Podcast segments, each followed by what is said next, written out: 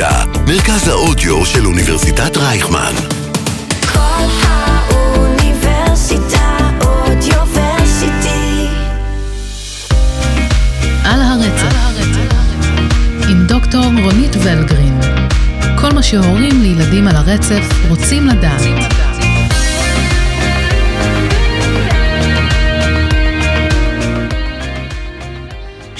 ותודה שהצטרפתם אלינו לפודקאסט על הרצף עם דוקטור רונית ולגרין. אני ענת גרינבלום, ואתם מאזינים לנו כאן, בכל האוניברסיטה, מרכז האודיו של אוניברסיטת רייכמן. הפרק הזה החלטנו קצת לגוון, לדבר על שני נושאים, לא על נושא אחד, ואם אתם, אתן, מאזינות ומאזינים, תרצו שנרחיב יותר על אחד מהנושאים, אז כתבו לנו בקבוצת הפייסבוק, פודקאסט על הרצף, שיחות על אוטיזם. כמובן, אפשר לכתוב גם בפרטי או בעילום שם, באיזו צורה שנוח לכם, באמת שזה הכי חשוב. אז בחלק הראשון שלנו היום, אני אבקש מרונית לספר לי את נקודת מבטה של אשת הטיפול בתוך מערכת היחסים שנוצרת בינה לבין הורי הילדים המטופלים. אחד הפרקים שלנו בעונה הראשונה עסק בחשיבותו של הקשר בין ההורים לדמויות הטיפוליות. אבל את השיחה ההיא ניהלנו אז מנקודת מבטה של אימא של ילד מטופל, אני. היום אני רוצה להכניס את המאזינים והמאזינות שלנו לצד השני של המשוואה, להאיר את הזרקור על בניית מערכת היחסים כפי שהיא צריכה להיות מתוך עיניה או עיניו של איש הטיפול. איך אנשי הטיפול פוגשים מדי שבוע את הילדה או הילד שלכם, ומה הן מצפות מאיתכם, מאיתנו, ההורים, ומהי באמת הדרך המומלצת להציב מטרות טיפוליות. בחלק השני של הפרק אנחנו נדבר על סוגיה מרתקת, והיא השוני המגדרי, כפי שהוא מתבטא באוטיזם, או במילים אחרות, ההבדלים בין ילדים לבין ילדות על הרצף האוטיסטי. היי רונית. היי, שלום, שלום. שלום. טוב, לא נפגשנו הרבה זמן, נכון. אולי, אה, אולי אנחנו נצליח לצמצם את המרחקים מפרק לפרק אה, בהמשך. עכשיו ככה יש תחושה של חזרה לשגרה באוויר, אנחנו במאני טיים של השנה שלנו, אה, אחרי חגי תשרי ולפני חגי אביב. אני רוצה רגע לשאול אותך, את יודעת, אני חושבת שהקשר שלנו עם אנשי הטיפול מתחיל כבר בשיחת הטלפון הראשונה, או אפילו בהודעת הוואטסאפ, של לתאם את השיחה הראשונה, שם מתחיל הקשר הראשוני עם ההורים של המטופל. אני, אני צודקת? תראי, אני חושבת שההודעת וואטסאפ היא מאוד יבשה. זאת אומרת, כשאת, אה, למרות שיש לנו את האימוג'י, ואנחנו מוסיפים לנו סמיילי ופרצוף בוכה, ועדיין אה, שפה כתובה פחות מעבירה רגשות. דרך אגב, אה, באסוציאציה ישירה, כשהורים שואלים אותי אם אפשר לנהל את השיחה הזו בזום, אני אומרת שאני מעדיפה שלא. כי אני חושבת שאין אין דבר כמו לשבת face to face. זאת אומרת, כבר לפגישה הראשונה, לפני שמתחיל, לפני פגישת טיפול, את, את מזמינה הורים לקליניקה? לא. ואת אומרת, לא, לא. Mm. אני אה, מבקשת, אני שומעת את הקושי של הילד, אני מסבירה על הטיפולים אצלי במכון, איך הם מתנהלים, מה התדירות, מה היום והשעה הפנויים, לכשיש פנויים כאלה, שזה גם issue בפני עצמו. בטח שזה אישו, מה זה, זו אה, לוגיסטיקה? כן, כן, כן. אני כל פעם מתנצלת לאחרונה שהכל מלא.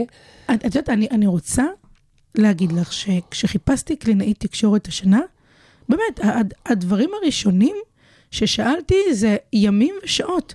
כי על זה אני חושבת שדברים קמים ונופלים.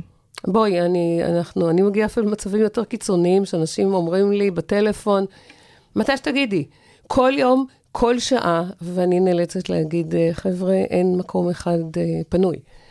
אז, אבל זה אישו נפרד. כשהילד, אה, והיה והילד מתחיל טיפול, זו הפגישה הראשונה שאני פוגשת את ההורים. אני לא נוטה לפגוש את ההורים לשיחה מקדימה, שאולי באמת כן צריכה להיות, אלא אם ההורים מבקשים. יש הורים שכן מבקשים לפגוש אותי, להבין, לראיין קצת, מי אני, מה אני, מה עשיתי, אה, להרים אנטנות, להרגיש אה, אם יש להם כימיה איתי, שזה מאוד מאוד חשוב. אצלי בדרך כלל הפגישה הראשונה זה כבר הפגישה עם הילד ועם ההורים. אני כן לוקחת לעצמי כמה פגישות עם הילד, ואחר כך אני מבקשת את ההורים להגיע לפגישה בלי הילד, ואז מדברים. במה טיפול ראשון מבחינתך שונה מהטיפולים שיהיו אחריו? טיפול ראשון אצלי מבחינתי זה סוג של screening. זאת אומרת, עוד פעם, אני יכולה להעיד על מה קורה אצלי, כן? יכול להיות שאצל קלינאיות אחרות זה משהו אחר. אני כן מבקשת שהילד יגיע נטול דוחות. זאת אומרת, אם יש לו כבר book שלם של אבחונים מאחוריו, mm-hmm. וההורה שואל אותי לשלוח לך את האבחונים, אני, אני מעדיפה לראות את הילד, טבולה ראסה, לראות את הילד בלי דוחות, בלי כתוב, בלי כלום. טיפול ראשון מבחינתי זה התרשמות מהילד, איפה הוא נמצא יחסית לנורמה, לגיל שלו, במה הוא טוב, מה מדבר אליו, איפה קשה לו, במה צריך להתחיל לעבוד. זה איזשהו בסיס לבניית תוכנית טיפולית. כשהלאה, בהמשך אנחנו מתחילים לעבוד. Mm-hmm. אבל טיפול ראשון זה היכרות. היכרות שלו אותי, היכרות שלי אותו, היכרות שלי את האימא שמביאה אותו. אבל טיפול ראשון הוא לא טיפול בעצם, הוא סוג של screening, הוא סוג של אה, לבדוק, לראות מה אני רואה, איך אני מתרשמת, איפה הוא נמצא. אחר כך כן, אחר כך אני מבקשת את ה book של הדוחות שהיו, mm-hmm. כדי להבין אה, מה, אולי פספסתי משהו, אולי אה, משהו שהדגשתי, מודגש גם בדוחות אחרים. אז אנחנו עושים אינטגרציה של ידע קודם עם מה שאני התרשמתי. אני חייבת לספר גם שבמקרה שלי קרה שהבן שלי בעצם הגיע לטיפול אה, של קלינאית. אחרי שהדוח האחרון שהיה בידיי הוא דוח שהיה לפני חצי שנה ואחרי מעבר דירה וככה. כן. בקיצור, ה- הילד שהופיע בדוח, זה לא לא הילד. הילד שנכנס כן. כן. לטיפול, אז אני חושבת שדווקא זה מאוד שימח אותי. דווקא שימח אותי להתחיל כן מאיזושהי, מאיזשהו תהליך אה, של מסמכים, ואז לבוא ל- לראות, אפילו לי, את יודעת, אני, אני הרי כאימא, אני לא כל יום יושבת ומעיינת במסמכים האלו. ופתאום הייתי ככה צריכה, את יודעת, להעביר את המסמך, אז הסתכלתי עליו, ו... ואני מודה שהיה שם אה, אה, רגע של נחת, לא, לא, יותר מרגע, משהו הרבה יותר עצום. היה שם הרבה הרבה אושר להבין איזה תהליך אה, קרה, עבר, כן. משהו. כן. מדהים. טוב, אני רק אה, רוצה, לפני שאנחנו מתחילים, להסביר למה הגענו בכלל לנושא הזה של היושרה.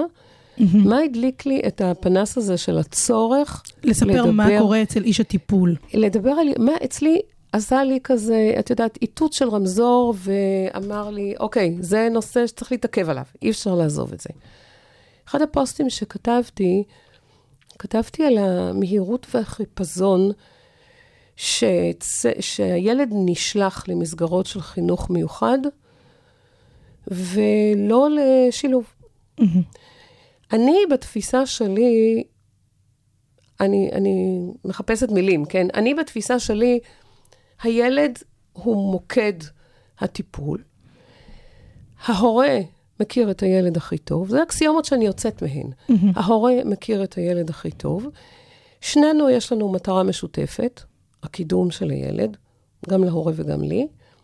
וכמובן, אם זה צוות גן תקשורת לצוות גן התקשורת. ואחד הנתונים הבסיסיים שאנחנו צריכים לצאת ממנו זה כנות.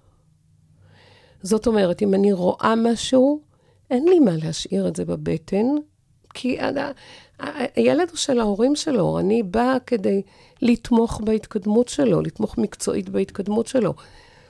אין לי מה להשאיר נתונים שאני רואה, גם אם הם משמחים, אבל גם אם הם קשים, אצלי בבטן. ואז, כשאני כתבתי בפוסט שלי, שאני חושבת שכשצוות של גן תקשורת רואה שהילד מתאים לשילוב, הוא צריך לשבת עם ההורים, לעניות דעתי, לשבת עם ההורים ולעשות להם מערכת של יתרונות וחסרונות.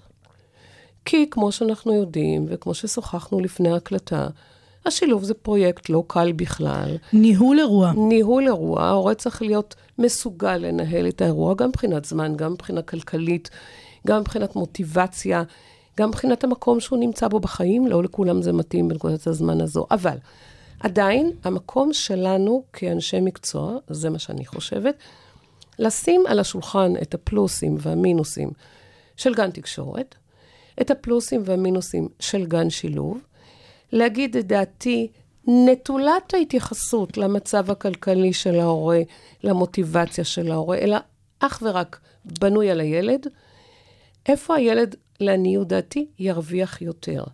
ואז ההורה, כשמקבל את כל האוסף הזה של הנתונים האמיתיים יושב בבית, או יושב איתי, זה לא משנה, ועם יד על הלב, אמיתי, אומר, אני פנוי כרגע להשקיע כל כך הרבה מאמצים בשילוב, או למרות שהיא המליצה לי ששילוב זה המקום בשבילו להתקדם כרגע, זה לא, אני לא מסוגל להריץ את זה, להרים את זה כרגע, את הפרויקט הזה, את הניהול אירוע הזה.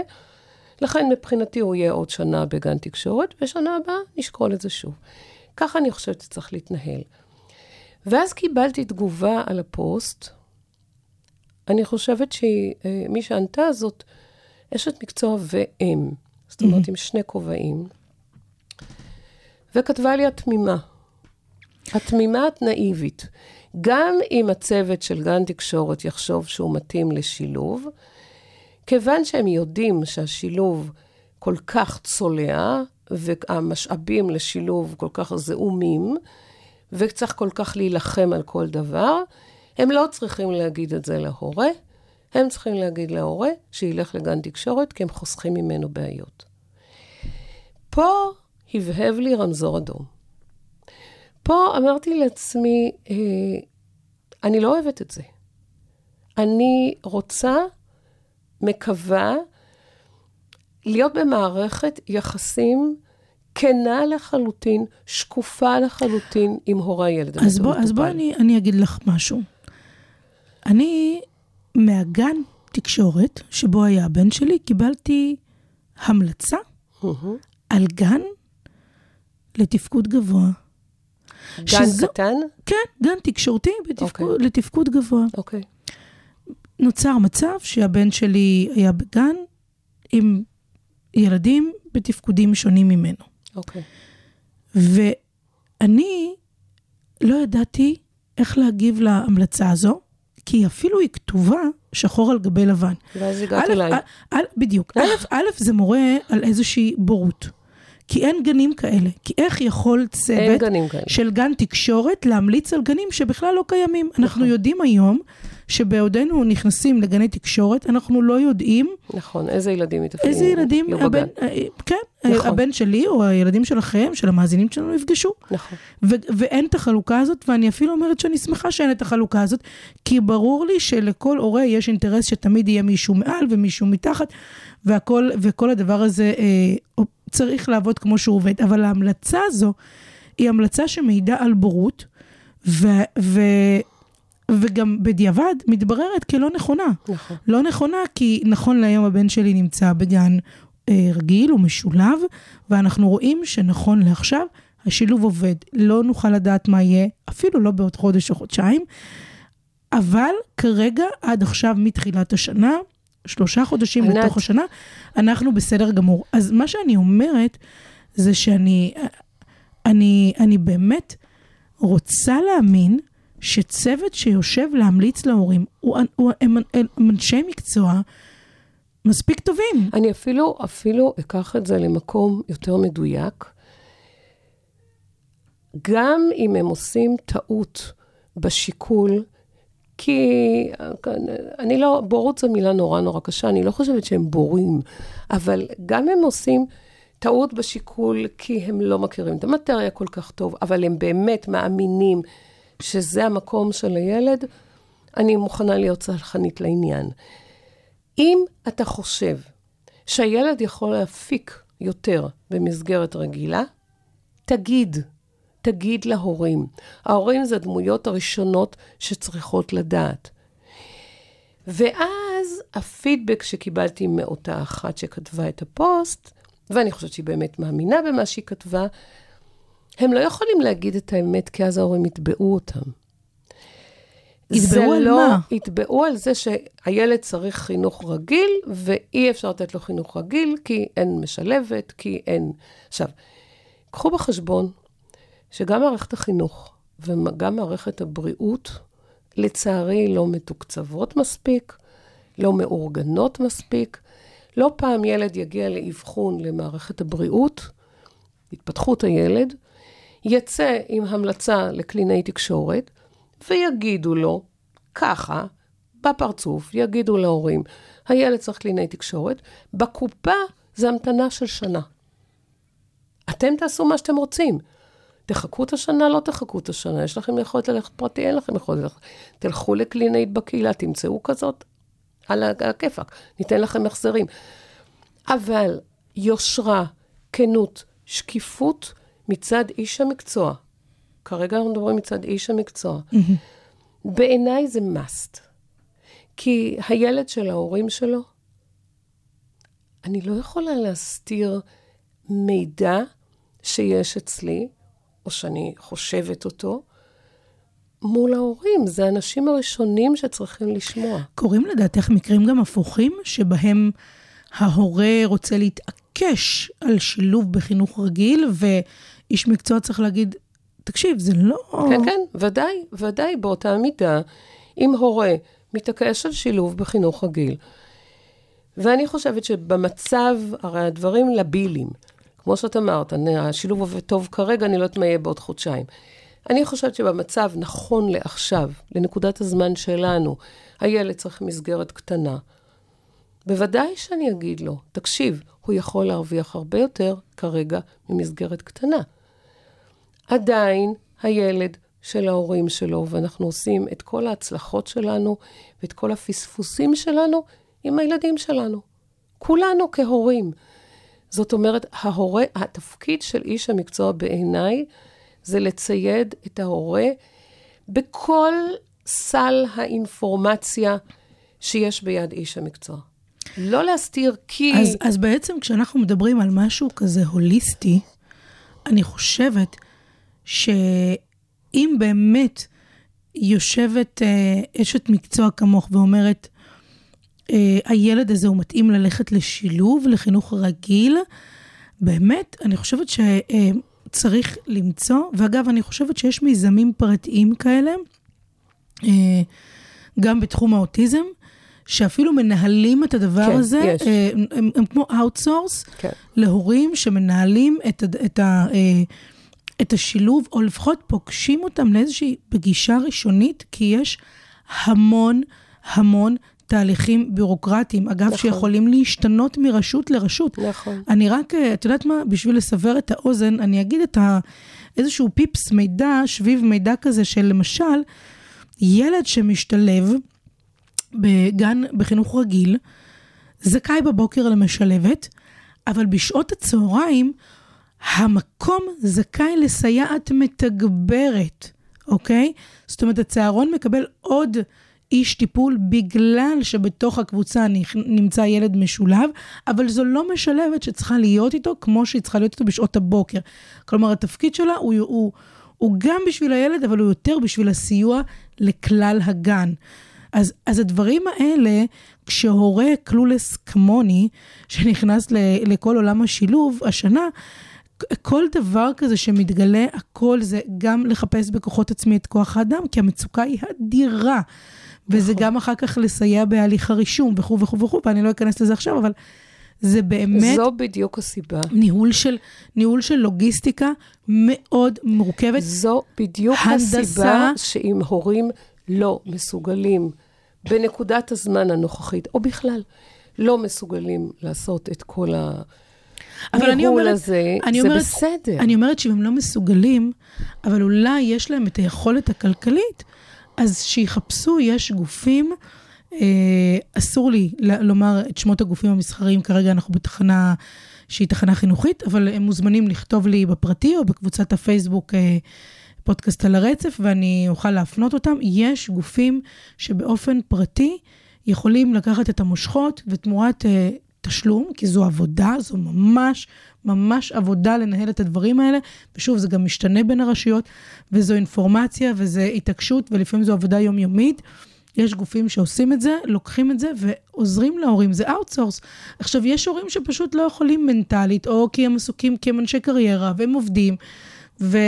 ענת, זה בסדר, וצריך לפנות זה לזה בסדר זמן. גמור. אני רק מחזירה אותנו לנושא השיחה שלנו. בעיניי, איש המקצוע לא יכול להסתיר מידע מההורים. זאת אומרת, האינטראקציה ומידע יכול להיות מידע אה, חיובי ומידע שלילי, זאת אומרת, ומידע אומרת סימפטי ומידע שאיש אנטיפטי. המקצוע לא מקבל את ההחלטה עבור ההורה, חס זה וחלילה. ודאי שלא. אז הוא, צ- אז- לא, כי זה, אני מש, מש, מסיקה את זה מהפוסט תגובה שקיבלת. זאת אומרת שהם קיבלו את, את ההחלטה בשביל ההורים בגלל שהם עדיין, לא יוכלו... עדיין ההורים יכולים להגיד, אוקיי, אמרתם, אנחנו לא רוצים את זה, אנחנו רוצים שילוב. ההחלטה היא של ההורים. אבל אני חושבת שאם אתה חושב שהילד מתאים לו שילוב, פרוס על השולחן יתרונות וחסרונות של גן משלב, יתרונות וחסרונות של מסגרת קטנה, של גן תקשורת במקרה שלנו. אתה יכול להגיד מה לדעת, איפה לדעתך הילד יפיק יותר, נקודה. מכאן ואילך זו החלטה של ההורים. בשום צורה אני לא אסתיר אינפורמציה, לא לחיוב ולא לשלילה. קרה לך שהורים הסתירו ממך אינפורמציה? אני, תראי, הם הסתירו ממני אינפורמציה, אז אני לא יודעת. עד עצם לא, היום הזה. שגילית, שגילית בדיעבד. אה, קרה לי שההורים לא היו שקופים לחלוטין, והרגשתי קצת התחמקות פה ושם, אבל במהלך האינטראקציה עם ההורים, אני מבהירה את העניין הזה של אחד מהתנאים לקשר עבודה טוב שלכם ושלי, זה שקיפות. אני אגיד, אני אתן דוגמה, ככה שעולה לי לראש. נניח שיש הורים שאולי הם- מערכת היחסים שלהם מעורערת, לא הכי תקינה, אולי הליך פרידה, אולי חלילה הליך זה אתה גירושים. לא, מס- אתה לא יכול להסתיר. זה, אתה, זה בולט ויוצא החוצה, אה, כי מגיע האבא, מגיע האימא. כל אחד טעון. מרגיש את ה vibes בין שניהם. אה, זה, זה, לא דבר, זה לא דבר שאפשר להסתיר, בדרך כלל אתה רואה את זה. אבל בוא נלך למשהו הרבה יותר פשוט. אתה מטופל אצל קלינאי תקשורת. לא מוצא חן בעיניך הטיפול שלה. אתה רוצה ללכת לקלינאית אחרת. הכל בסדר. אנחנו בני אדם, הכל בסדר. תהיה כנה ושקוף. תבוא לקלינאית, תגיד לה, החלטנו להפסיק את הטיפול. אתה לא חייב לשים לה בפרצוף, כי את אה, לא מוצא חן בעיניי ואני הולך עם מישהי אחרת, אלא אם אתה רוצה נורא. אבל תהיה, את זה אפשר להסתיר, את אומרת. איך, ש, איך שנוח לך, איך שאתה רוצה. אבל תהיה כנה ושקוף. לא לכתוב, חבר'ה, בהודעות וואטסאפ, משבוע הבא אנחנו לא נגיע יותר. אחרי שהקלינאית עובדת כבר שנתיים עם הילד. רבאק. אנחנו בני אדם. אז זה נכון שאנחנו עם הכובע של דמות טיפולית, אבל אנחנו מתקשרים אליכם, אנחנו מתקשרים לילד. אנחנו, באמת, אני רוצה להאמין, אנחנו זה נותנים גם את מעיד על איזשהו כל ה... זלזול, שנתיים של אה, תהליך של... אני לא יודעת אם לקרוא לזה זלזול, או בעיה ביחסי אנוש. משהו במנצ'יות הזאת, אבל ה- זה לא מענץ', בדיוק, זה משהו ביחסי אנוש, אבל הקלינאית, אני רוצה להאמין, נתנה את כל כולה לצורך ההתקדמות של הילד, נקשרה אליו. אה, תעשו... ואולי גם אפשר לקבל ממנה איזשהו, גם closure עבור הילד, שידע כמה כן, מפגשים אבל- נותרו אבל להיפרד, לא וגם כולם איזשהו אוהבים מסמך את סיכום. ה closure הזה, לא כל ההורים מבינים את הצורך בלבוא עוד פעם, לשלם עוד פעם ולעשות את ה closure. כמה זמן closure לדעתך מומלץ לילד מטופל? אני אפילו לא יודעת זמן, זה תלוי בקשר של הילד עם הקלינאית. נניח שהוא קשר אה, מצוין, כמו שאמור להיווצר. פגישת סיום, אנחנו לא מריצים את זה על חודשיים עכשיו. פגישת סיום, שהקלינאית יודעת לפני הפגישה, שזו פגישה האחרונה. היא מכינה פגישה נורא נורא נחמדה לילד. היא נפרדת מההורים. אני, אפילו לי, להציע... לי, לי זה מרגיש קצת, אני חייבת להגיד ש, אמ, שאני, חושבת, שאני חושבת שילד שנפרד מדמות טיפולית, בתחושה שלי, פשוט באינטואיציה, כי הוא ילד. הוא, כן, הוא, כי הוא אני חושבת ילד. שזה צריך להיות פעם, פעמיים, שלוש, זאת אומרת, שהוא בא ואז הוא לא, לא, יודע ענת, שמחר... פעם- ענת, אה, אי אפשר לעשות את זה פעם, פעמיים, שלוש, כי אם ההורה בשל לעזוב את הקלינאית, ופגישה טיפולית עולה כסף, אבל ההורה לא מתבשל בתוך שבוע, לא? גם לעזוב. ההורה מתבשל ולא אומר בדרך כלל. האמירה יוצאת כשיש כבר החלטה. הבנתי. הוא לא אומר, אני מתלבט אם להמשיך. אבל אם אני אבוא ואגיד, תקשיב, עכשיו אנחנו עושים שלוש פגישות של סיום, הם מסתכלים, ובצדק, על אה, העלות של העניין הזה, והעלות היא לא קטנה. אז לא, לא צריך, באמת שלא צריך, אבל תסיימו יפה. להפך, הקלינאית, אני מאמינה, תציע לכם גם לשוחח עם הקלינאית הבאה, כדי להעביר לה מידע חשוב. תהיו ישרים, תהיו כנים. תגידי, ואנחנו עכשיו ככה צוללות לתוך באמת מערכת היחסים הזאת מתוך נקודת מבט של אה, אנשי הטיפול. ביטולים? ש- ביטולים. מה, מצופ... מה את מצפה? אני אגיד לך, אנחנו עוסקים בילדים. ילדים מעלים חום תוך עשר דקות. כך שאם אימא כותבת, קודם כל אני מצפה כמובן, שזה לא כל כך כמובן כנראה, אבל להודיע. להודיע, לא נגיע כי הילד עם 38-39 חום, גם הקלינאית לא רוצה לקבל אותו חולה. להודיע. תראי, אנחנו, אני לא יכולה להגיד, להגיד כלום לאימא שאומרת הילד חולה, אני גם בוודאי לא, אני אישית לא אקח ממנה כסף במכון שלי על זה שהילד חולה. ילד חולה זה פורס מז'ור, אין לנו מה לעשות. האוטו נתקע בדרך אלייך. אוקיי, אני, ליבי ליבי על זה שאת תקועה באמצע איילון. אה, הסבתא לא הגיעה לעשות בייביסיטר, אין לי מה לעשות עם הקטן. אוקיי.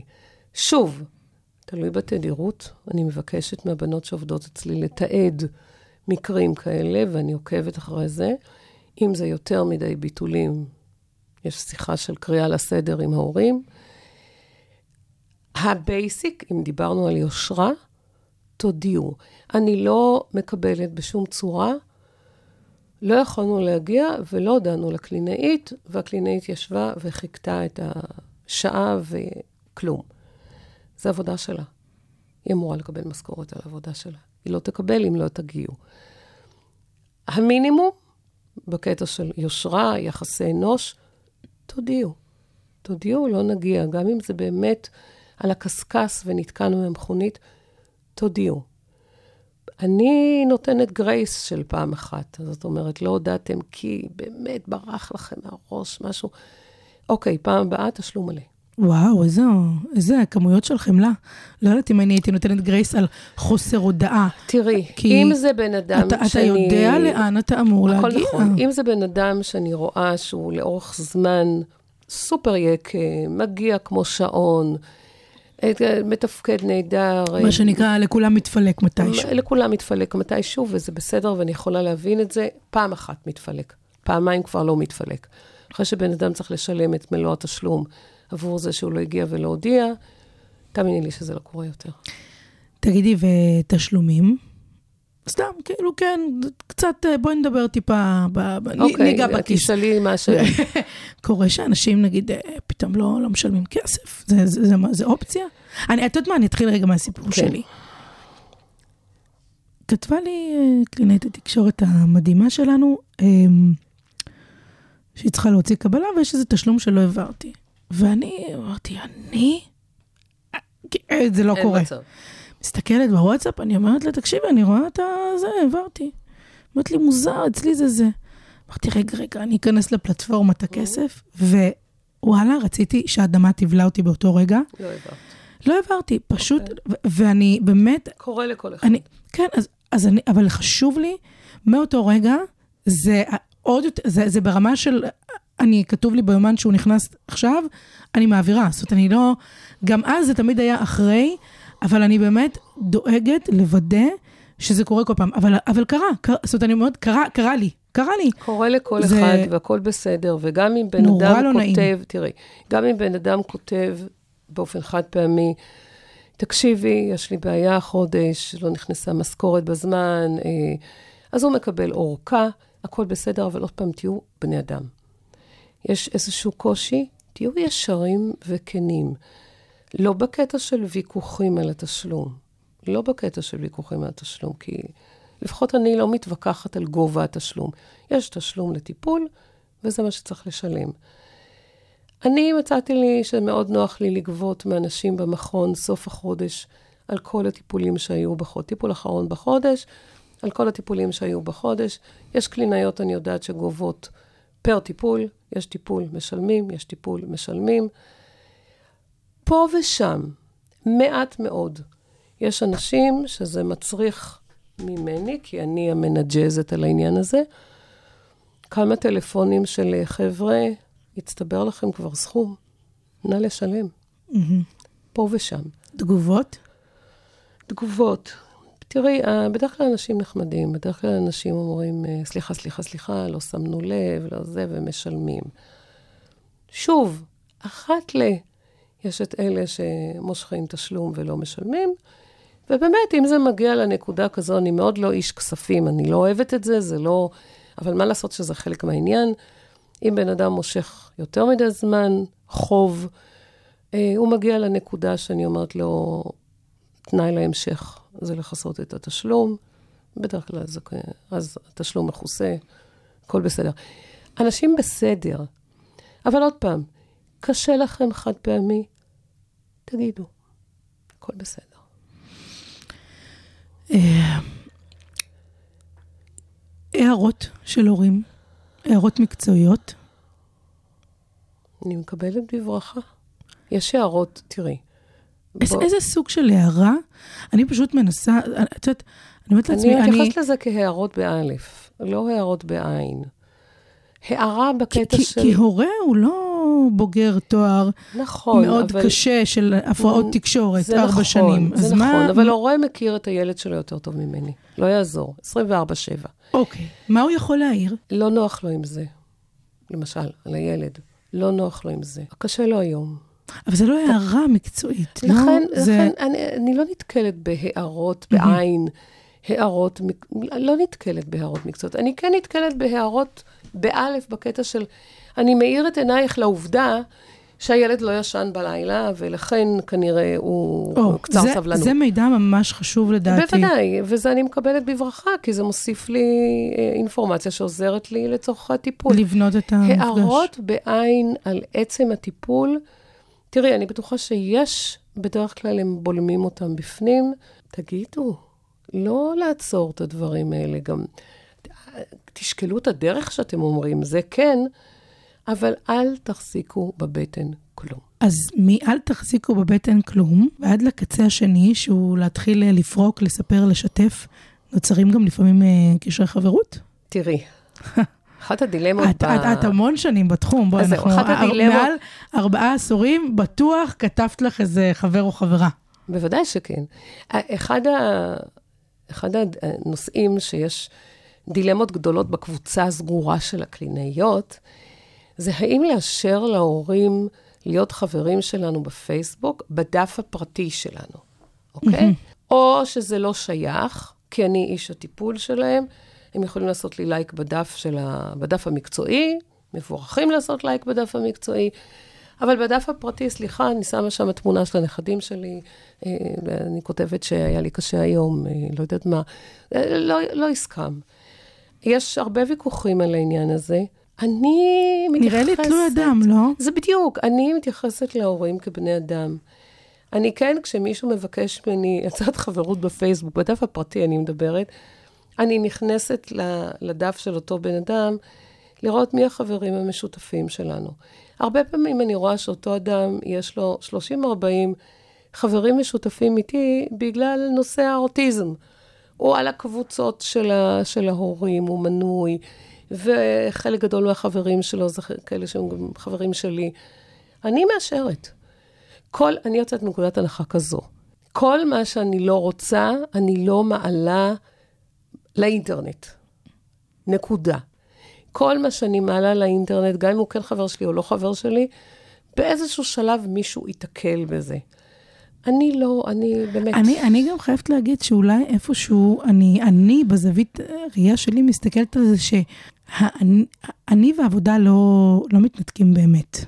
אני זה אומרת, העבודה שלי. בדיוק, אני זה, העבודה שלי גם מגדירה אותי כבן אדם, אז, אז אין לי שום בעיה אין לי- שתכיר עוד היבטים שלי, לגמרי. היבטים קומיים. לגמרי, ואז- טעמים אישיים. הנה, ואז- רונית אוהבת את חווה אלברשטיין, נכון למשל. מאוד. אה, אה, עוד פעם, אה, אני, אין לי, באמת, אין לי שום בעיה עם זה, עד הנקודה שהבן אדם מעצבן אותי. עכשיו, אני הולכת אחורה, חברויות, כן. יש לי, אני, יש הורים של מטופלים בעבר, שהיום אני מגדירה אותם כחברים שלי. בפירוש כן. היום יש הבדלי גיל. זאת אומרת, אני בגיל של האימא שלהם, ואולי אפילו של הסבתא שלהם, של ההורים, אני מדברת. אז כאילו, היום ההבדלי גיל, הם אה, עושים פחות חברויות. זה, זה מאוד מדויק, כי, כי נגיד הקלינאית שלנו, שאני כל הזמן נגד העיניים שלי כשאנחנו מדברות, כן. ואני לא אומרת את שמה, כי אני לא יודעת אם היא הייתה רוצה אוקיי. או וכו'. אוקיי. אבל היא, היא, היא, היא קרובה אליי בגיל, נכון. היא גם היא אימא צעירה ועם ילדים נכון, בגילאים. נכון. וזה ממש מרגיש אחרת, זה vibe כזה של, יש שם משהו שהוא מאוד, שבתחושה שלו, הוא מאוד מאוד חברי, בהיבט המאוד מאוד חיובי של נכון. המילה. ועדיין, בדף האישי שלי, שאני אומרת דעתי על הבחירות האחרונות, ואומרת דעתי על מיליון ואחת דברים, יש לי דעות. ואין לי בעיה שמטופלים יקראו, הורים של מטופלים יקראו את זה. זאת אומרת, אני... כל מה שאני לא רוצה להעלות לאוויר, אני לא מעלה. נקודה. ואז אנחנו מגיעים לנקודה שדיברנו לפני, אתם חברים שלי בדף הפרטי שלי, ואני מביעה דעתי על הבחירות. אני לא אצא כאן לימין-שמאל, אבל אני מב- מביעה דעתי על הבחירות. או על תוצאות הבחירות. או על תוצאות הבחירות. ואז אני אה, מקבלת, נכון, זה ממש תגובה נכון. שכאשת טיפול, בדיוק. תגובה ממש נכון לתקופה האחרונה. אני מצפה ממך להתייחסות אחרת כאשת טיפול. רבאק, אנשים. אתם בני אדם, אני בן אדם. נכון, אני קלינאי תקשורת ואתה רואה חשבון, הכל נכון, אבל אנחנו אנשים עם אהבות, עם רצונות, עם תחביבים, אם לא מתאים לכם לראות מי אני בפרטי שלי, אל תהיו חברים שלי בדף הפרטי שלי. שוב, נכון, אני רונית, הזהות שלי זה רונית הקלינאי תקשורת, סלש רונית האימא של ערן עודד מיכל, סלש רונית הסבתא של ששת הקטנים המבורכים שלנו, הכל שווה בשווה. על הרצף, עם דוקטור רונית ולגרין. כל מה שהורים לילדים על הרצף רוצים לדעת. קרו מצבים שהרגשת שהורים דוחפים או מנסים להיות חברים שלך, ווואלה, לא, לא כל כך מתאים לך, אבל הם מטופלים שלך, אז איך את, how do לא, you manage? את- כאילו, לא, לא, לא. זאת אומרת, אה, לא, את יודעת מה? לא. אני, לא היו מצבים שמישהו העיק עליי. אני לא כאשת טיפול, כן. חוויתי בחיי ניסיונות של הורים מכל מיני מסגרות להפוך להיות חברים, בעוד שסבבה לי שילדים חברים. אבל אני, זה פחות הקאפ זה- שלי. אז אני תוהה איך כשאת אשת טיפול, ואנשים כן מנסים להיות את החברים, ואת, ואת צריכה להציב איזשהו גבול של טיפול מה? כן, חברים אני לא. חושבת, אני חושבת שאני מציבה את הגבולות האלה בלי לחשוב עליהם בכלל, כי זה לא קרה לי. זאת אומרת, אני חושבת שאני ב- ב- ב- ב- באופן אינטואיטיבי מציבה את הגבולות האלה. לא, לא קרה לי משהו שהייתי צריכה להגיד לבן אדם, תקשיב, אה, זוז אחורה, שני צעדים אחורה. או, לא, או, לא. או שאת צריכה בכלל להיות באיזושהי נקודה כאשת טיפול, שאת מתלבטת איך להציג דברים, בגלל שאת כבר לא רוצה, לצורך העניין, אולי להעליב או לפגוע ברגשותיה של האימא שהיא חברה. זאת אומרת, אני חושבת שיש פה לא מעט מורכבויות שעלולות... תראי, יש אה, כאן מורכבויות, אבל אני חושבת שהן... כשחושבים עליהן זה נעשה הרבה יותר גדול ממה שזה באמת. כשאתה מתנהל כבן אדם אוהב אנשים, כבן אדם שרואה את טובת הילדים. שרואה את טובת הילדים, כבן אדם ישר וכנה, עם הדעות שלך, אבל ישר וכנה, אה, לא מקובע. את יודעת מה? לא, לא נתקלתי בזה. טוב, אני חושבת ש... שהבנו את ה... מילת המפתח, אנשים, יושרה, כנות, שקיפות. מכאן להתחיל להתנהל. מדהים. אמ, אני חושבת ש... ש... זה, זה, זה באמת בסיס הכי טוב והכי נכון והכי יציב לתמיד, ל- ליחסים בכלל בין בני אדם, אבל בין אה, בני אדם לאנשי טיפול, על אחת כמה וכמה. עוד מילה אחת קטנה, את יודעת, שאת מדברת ואני חושבת עליה. אתם נמצאים אצל איש מקצוע, אין לכם כימיה איתו, אני חושבת שאמרנו את זה בפרק הקודם, אין לכם כימיה איתו, אתם לא חושבים שהוא עוזר לילד. תחתכו. בנימוס, בנחמדות, בידידות, תחתכו ותעברו הלאה. אנשי מקצוע אפשר תמיד להחליף, את הילד לא. וואו, אמ, חשוב, חשוב, חשוב. אנחנו נמשיך לפינת אה, ההורים שואלים. הפעם אנחנו, כמו שאמרנו בפתיח, נרחיב קצת יותר את הנושא משאלה אחת, אבל כן ניגע בנושא שהוא באמת אה, מדובר, מדובר מאוד, וזה ההבדל בין ילדות על הרצף האוטיסטי לילדים, בנים על הרצף האוטיסטי. תגידי, אחת, ה- אחת הסיבות שהגענו לנושא הזה, זה זוג הורים שישבו אצלי בקליניקה, מאוד נחמדים, עם בת. היא בת 11 הייתה, 11-12. וכשסיימנו לדבר, אה, אבא אמר לי, תשמעי, אני מקשיב לפודקאסט שלכם, הקשבתי לו שלוש פעמים, מההתחלה ועד הסוף. וואו. שלוש פעמים. אתם לא מדברים על בנות. דברו על בנות. אז הנה, אנחנו מדברים על בנות. אז מה, תגידי, מה, מה, מה אנחנו יודעים היום על בנות שלא ידענו פעם על בנות, ומה הקושי בלאבחן אותן? שאלה נורא נורא גדולה. כיוון שאני מהזקנות, בזמנו... תפסיקי. כן. תעשי את זה עוד פעם? די, נו, תפסיקי. נהדר, נהדר. uh, בזמנו, כשדיברנו, כש... קודם כל, בזמנו כמעט לא למדנו על אוטיזם, אבל כשקראת על אוטיזם, הבנת שיש הרבה יותר בנים מבנות. דיברו על אחד לחמש, בת אחת לחמישה בנים. והמסר שקיבלת מכל הידע המקצועי, זה שאם כבר יש בת אוטיסטית, היא הרבה יותר קשה. זאת אומרת, כשתיוולד בת והיא על הספקטרום, לרוב היא תהיה מאוד קשה. אומרת מאוד קשה, אפשר לתרגם את זה לאוטיזם עמוק, כלומר, עיכוב עכשיו, התפתחותי קשה. עיכוב התפתחותי קשה, בעיה קוגניטיבית, חוסר יכולת ל- ל- לרכוש שפה, אה, אפיונים אוטיסטיים קשים. ופתאום מתברר שלמה בעצם אנחנו הבנו שאם יש בת, היא יותר קשה? כי הבנות, בתפקוד הגבוה, ותכף נדבר מה זה אומר תפקוד גבוה, חמקו מתחת לרדאר. לא קיבלו את התווית של אה, אוטיזם. זה לא שאין בנות, יש בנות. אבל בזמנו, כשאבחנו כבר בת, ילדה, היא הייתה מאוד אוטיסטית.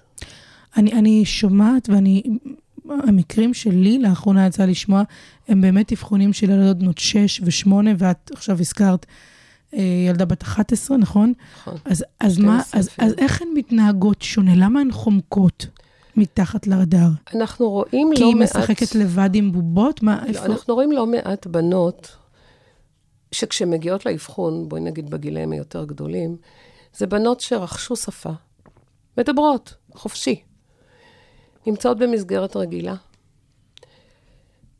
כאילו יש להן חברות, כאילו יש להן חברות, אבל באמת הן מאוד מאוד מתוסכלות.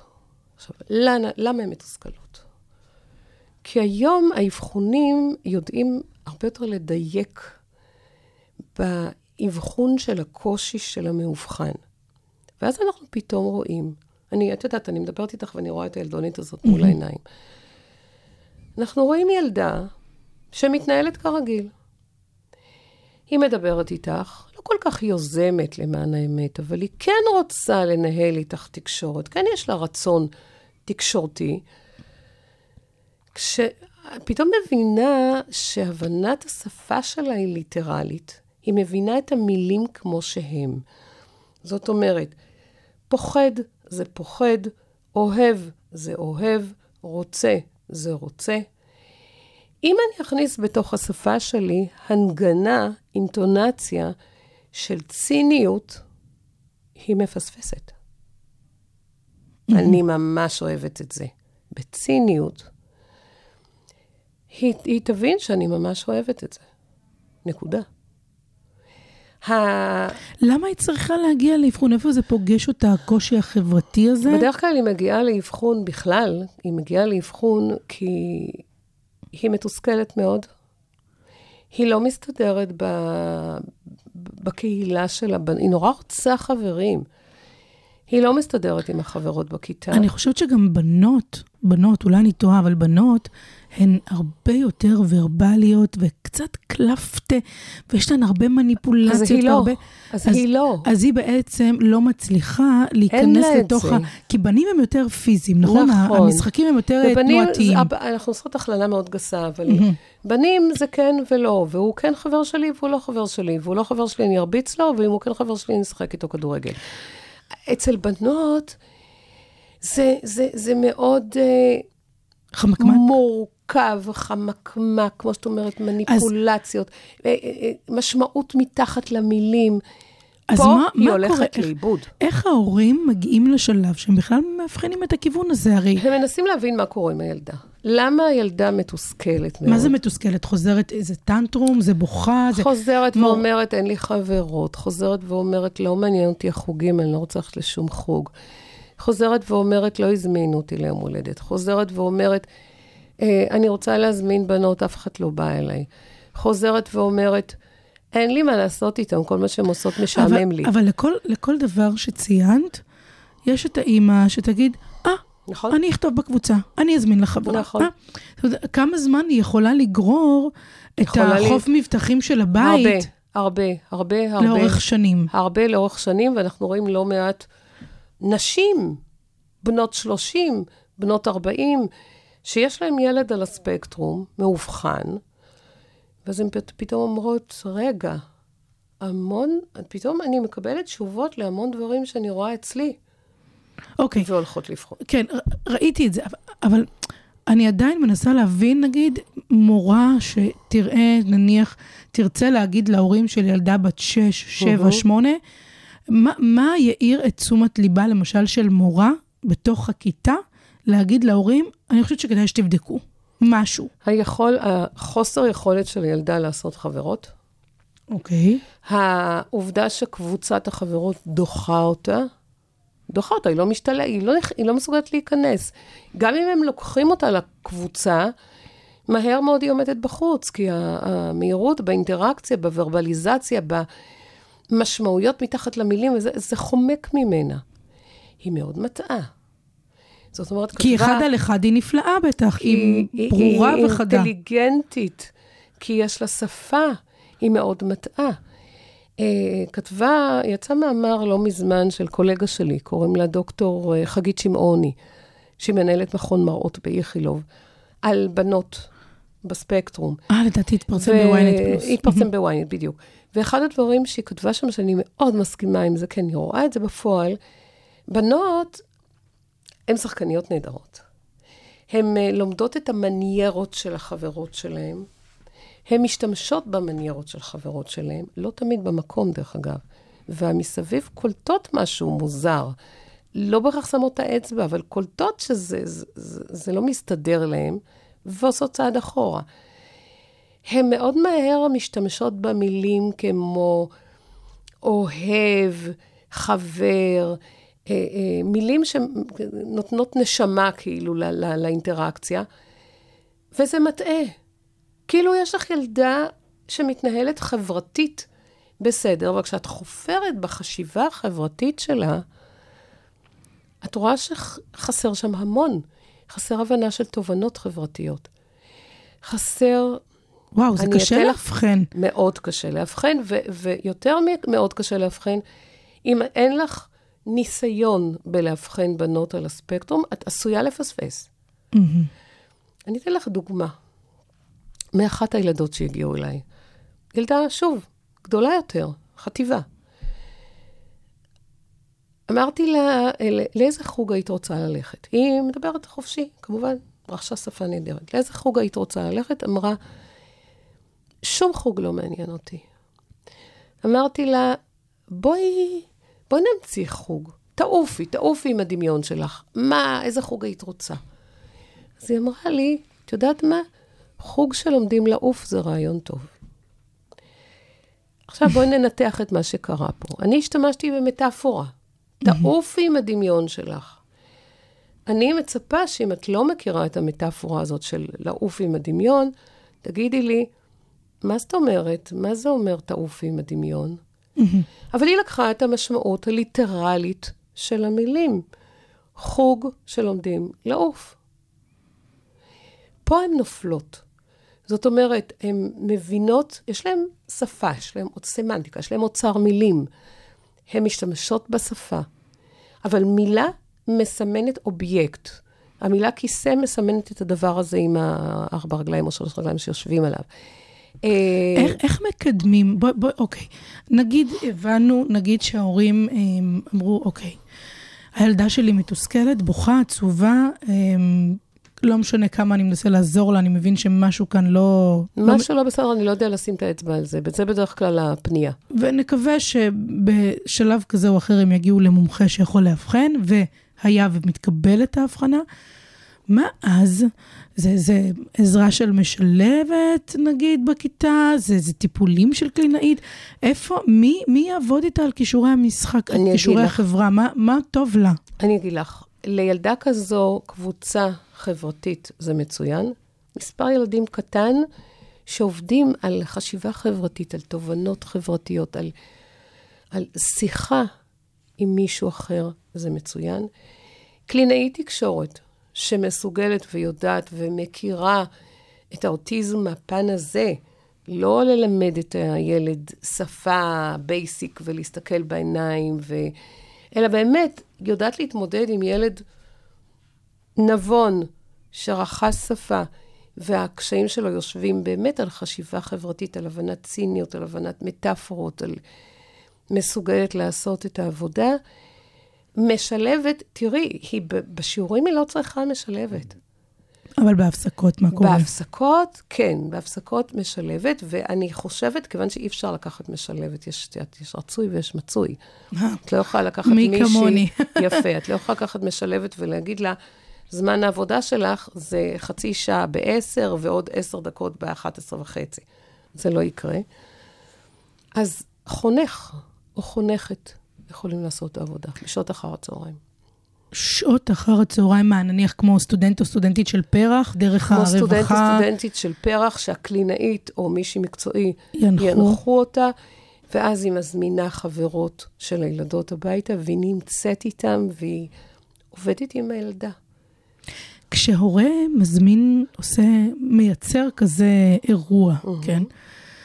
כדאי שיגיד להורים אחרים, שהיום, אה, דרך אגב, אה, אני מזמינה חברים אלינו הביתה, ויש שם איזה חונך או מישהו אני ש... חושבת, ש... אני חושבת שכן.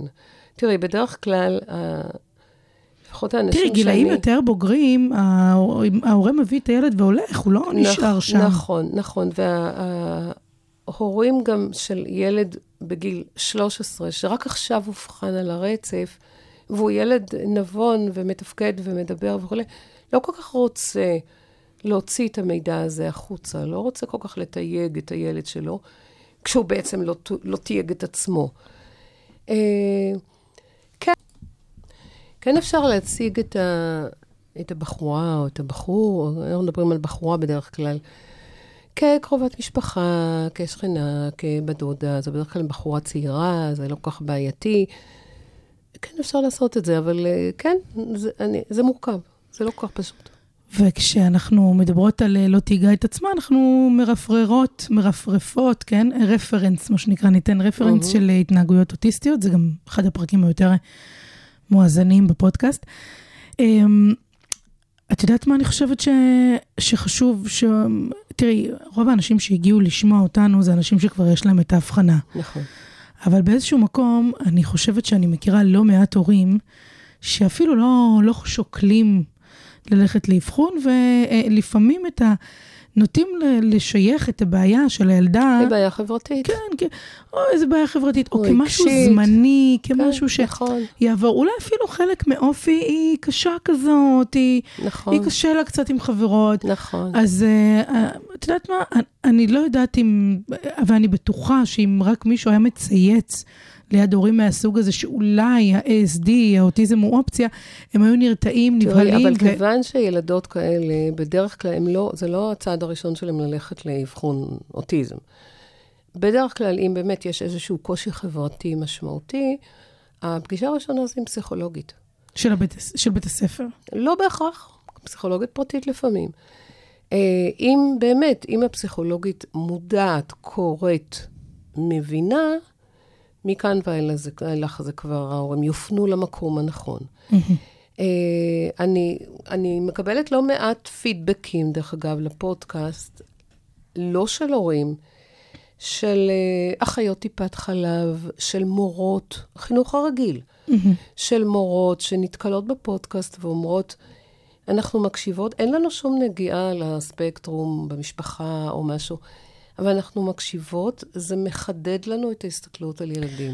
אפרופו. אפרופו מורות שמקשיבות, אני חייבת לספר לך שהכרתי אימא של אחד הילדים בגן של הבן שלי, היא הייתה מורה אה, הרבה מאוד שנים. היא אמרה, את יודעת, אחת הבעיות למשל של מערכת החינוך, וזה אחרי עשור במערכת החינוך שהיא עבדה, זה למשל, דורשים ממני להיות מורה משלבת מבלי שאני בכלל יודעת מהמם. מה אני אמורה לעשות נכון. בתור מורה משלבת. באמת, ההשתלמות הזאת, ועל להבין את הצרכים המיוחדים נכון. של הילד, אגב, הספציפי שיושב אצלה.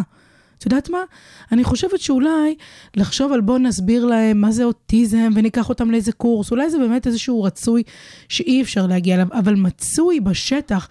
לקחת עוד רגע את זה המורה המשלבת. להסביר לה על הילד זה הספציפי קם הזה. ונופל על אנשים. בזמנו, לפני די הרבה שנים, אני עבדתי במשרד החינוך. במסגרת משרד, אני הייתי מדריכת PDD, אז זה נקרא, מדריכת אוטיזם. במסגרת uh, העבודה שלי, הייתה מפקחת לחינוך מיוחד. אפשר להגיד את השם שלה? קרדיט גדול. יאללה, אוקיי. ניתן לה. קראו לה נועה קדן, אישה מדהימה. נועה קדן הגיעה אליי בשלב מסוים ואמרה לי, תראי, אני רוצה שחלק מהשעות שלך, את תעבירי, אז בזמנו גם לימדתי במכללה, היא אמרה, אני רוצה שחלק מהשעות שלך במשרד, אצלנו, נעשה קורס מסודר לגננות וסייעות על uh, התפתחות שפה וקשיי שפה. לא רצף אוטיסטי. אני נורא התלהבתי. פינינו זמן, פינינו שעות. כמובן, אחרי יום הלימודים, הגננות מאוד שמחו לעניין, לא היו צריכות לשלם על ההשתלמות. זה נחשב להם כהשתלמות. הסייעות מאוד שמחו לעניין, והרצנו במהלך יותר מחצי שנה קורס שלם, שאני בזמנו הרצתי אותו במכללה, של התפתחות שפה וקשיי שפה. אני חושבת שאותו דבר צריך לעשות במערכת החינוך, אבל uh, מי אני, מה אני? כן, אולי, אולי נגיע לאוזניים אה, הנכונות בדיוק, גם, אולי מישהו גם שומע בפלטפורמה הזו. וירים את הכפפה. לגמרי. טוב, די, היו לנו עוד כל מיני uh, תובנות על, uh, למשל, uh, דיברנו לפני שפתחנו את המיקרופונים, של למה לא למשל uh, לחנוך uh, בנות שירות, לבוא להיות משלבות. Uh, לעשות את השירות הלאומי, את השירות הקהילתי שלהם, כמשלבות. בגני נכון, ילדים. נכון. אפשר להכשיר בתוך מספר חודשים אה, מאוד אה, קטן וללוות אותן תוך כדי. זה בנות בדרך כלל עם הרבה מאוד מוטיבציה, עם הרבה יכולת. ו- אין ספק, אין ו- ספק, ו- ענת, וזה, וזה שירות מדהים. או לחילופין, גם אה, אה, סיפרתי לך שחשבתי שאולי אפילו תמורת מלגה, כלומר סטודנטית שרוצה ללמוד חינוך מיוחד, תלך ותשלב במשך שנה אחת רצופה ילד, תקבל בתמורה לכך תשלום שהוא שליש נגיד מעלות... אה, בבחירות הבאות אני תומכת בך. יאללה, אולי אני, אולי אני אשקול את זה, אולי, אולי מישהו שם מחכה לי ויאפשר לי לערוך את לא הרפורמות. נראה לי, אבל בסדר, אוקיי. טוב, דוקטור רונית ולגרין, כמו תמיד, באמת כמו תמיד, עונג על כל התובנות הכל כך חשובות. תכתבו לנו, על מה תכתבו אתם לנו. רוצים שנדבר. שאלות, התלבטויות, תכתבו לנו. תודה רבה לכל המאזינות והמאזינים שלנו. אתם מוזמנים להמשיך להצטרף, להגדיל את קהילת פודקאסט על הרצף, להאזין לכל הפרקים שלנו, כמובן, לשתף אותם עם אנשים שאתם חושבים שזה חשוב להם, הוא יכול לתרום להם, אנשי טיפול, אנשי חינוך, הורים לילדים, כמובן. תשאלו, תנו פידבק, כל מה שנראה לכם מתאים. תודה רבה רונית ולגרין, אני ענת גרינבלום, נשתמע בפרק הבא. להתראות. כל הנאמר בפודקאסט על הרצף אינו מהווה תחליף לייעוץ מקצועי. על הרצף, עם דוקטור רונית ולגרין. כל מה שהורים לילדים על הרצף רוצים לדעת.